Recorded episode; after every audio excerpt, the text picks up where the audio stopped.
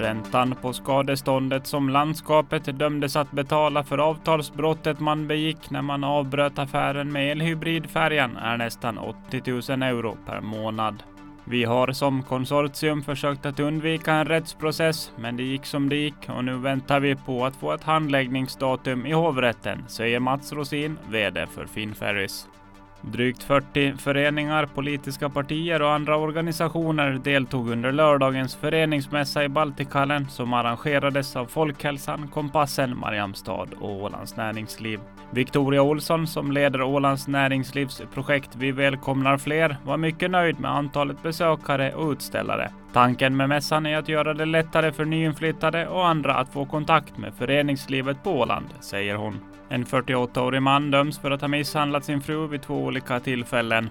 Mannen har medgett gärningarna och döms till 55 dagsböter om sammanlagt 1705 euro.